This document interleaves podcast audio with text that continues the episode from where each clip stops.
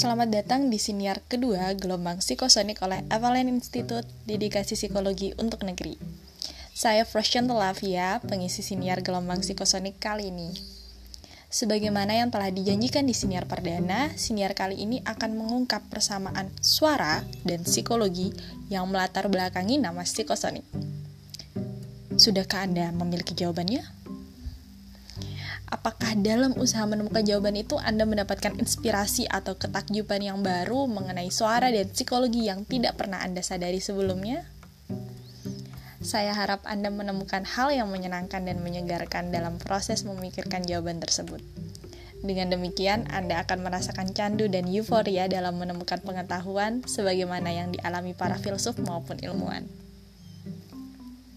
Para pendengar, Menurut Anda, seberapa penting sih macam-macam suara yang Anda dengar di lingkungan Anda? Apakah Anda akan baik-baik saja jika di rumah sering terdengar hal seperti ini?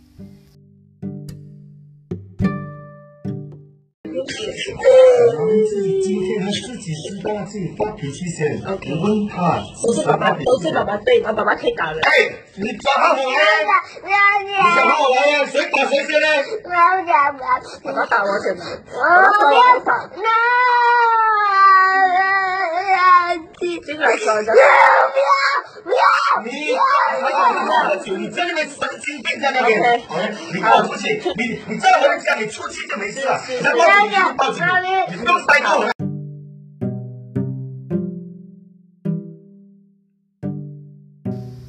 Jika suara itu bukan berasal dari rumah Anda, melainkan rumah tetangga Anda, apakah Anda tidak akan merasa gundah? Toh bukan rumah saya, bukan urusan saya. Suara adalah hal yang banyak mempengaruhi manusia, khususnya mempengaruhi mental manusia. Anda tentu masih ingat bagaimana dua tawa yang Anda dengar pada siniar sebelumnya menimbulkan perasaan yang tidak sama, padahal keduanya sama-sama merupakan suara tawa. Hal ini sering tidak disadari karena suara bukan hal yang terlihat secara kasat mata, dan efek dari suara juga tidak nampak secara jelas. Apakah ada di antara pendengar yang dapat menggambarkan bentuk suara? Tentu tidak, kan? Kita hanya bisa menyebutkan contoh-contoh suara atau menggambarkan suara sebagai sesuatu yang abstrak sebagaimana yang dijelaskan ilmu fisika. Demikian juga dengan psikologi. Dapatkah Anda menunjuk dengan jari telunjuk Anda apa yang sebenarnya dipelajari oleh psikologi? Apakah hal yang dipelajari dalam psikologi dapat dilihat, diraba, dipegang, bahkan digenggam? Sebagian dari pendengar mungkin menjawab, "Iya, karena merujuk pada manusia." Psikologi memang mempelajari manusia yang tentu dapat dilihat, diraba, dipegang, juga digenggam. Namun akan ada juga yang berpikir bahwa, hmm, jawabannya tidak. Karena psikologi tidak sekedar mempelajari tentang manusia, melainkan yang berada di dalam hati, pikiran, dan benak manusia tersebut. Kedua sudut pandang tersebut benar adanya. Psikologi mempelajari hal-hal abstrak yang tidak dilihat, diraba, dipegang maupun digenggam, seperti kebahagiaan, kesakitan, semangat, penyesalan, dan lain sebagainya dengan cara mengamati tanda-tanda yang nampak pada diri manusia tersebut. Misalnya, bagaimana psikologi mempelajari tentang kebahagiaan? Tentu dengan mencari tahu apa tanda-tanda seseorang merasa bahagia.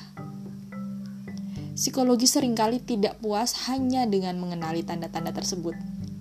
Ilmu psikologi terus berkembang karena para ilmuwan antusias untuk mencari tahu lebih banyak lagi apa yang ada di balik tanda-tanda tersebut. Setelah mengetahui tanda-tanda orang yang merasa bahagia, ilmuwan ingin tahu apa saja alasan yang menyebabkan seseorang bahagia. Lalu, ketika seseorang merasa bahagia, kehidupan orang tersebut menjadi seperti apa? Dan jika seorang tidak bahagia, dapatkah kita melakukan sesuatu untuk membahagiakannya? Bagaimana para pendengar? Apakah Anda merasakan ketakjuban yang kini saya rasakan dari obrolan kita tentang dua hal yang sama-sama tidak terlihat ini. Sebagai penutup yang apik, bagaimana kalau kita memikirkan tentang suara apa saja yang membuat Anda bahagia ketika mendengarkannya? Suara anginkah itu? Suara anak-anak tetangga yang asyik bermainkah itu? Suara penyanyi favorit Anda kah itu? Atau mungkin suara gemericik air? Seringkah Anda mendengar suara tersebut? Saya harap Anda masih sering mendengarkannya.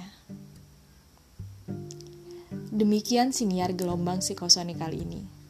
Kami merasa terhormat atas pilihan Anda untuk meluangkan waktu mendengarkan siniar kami.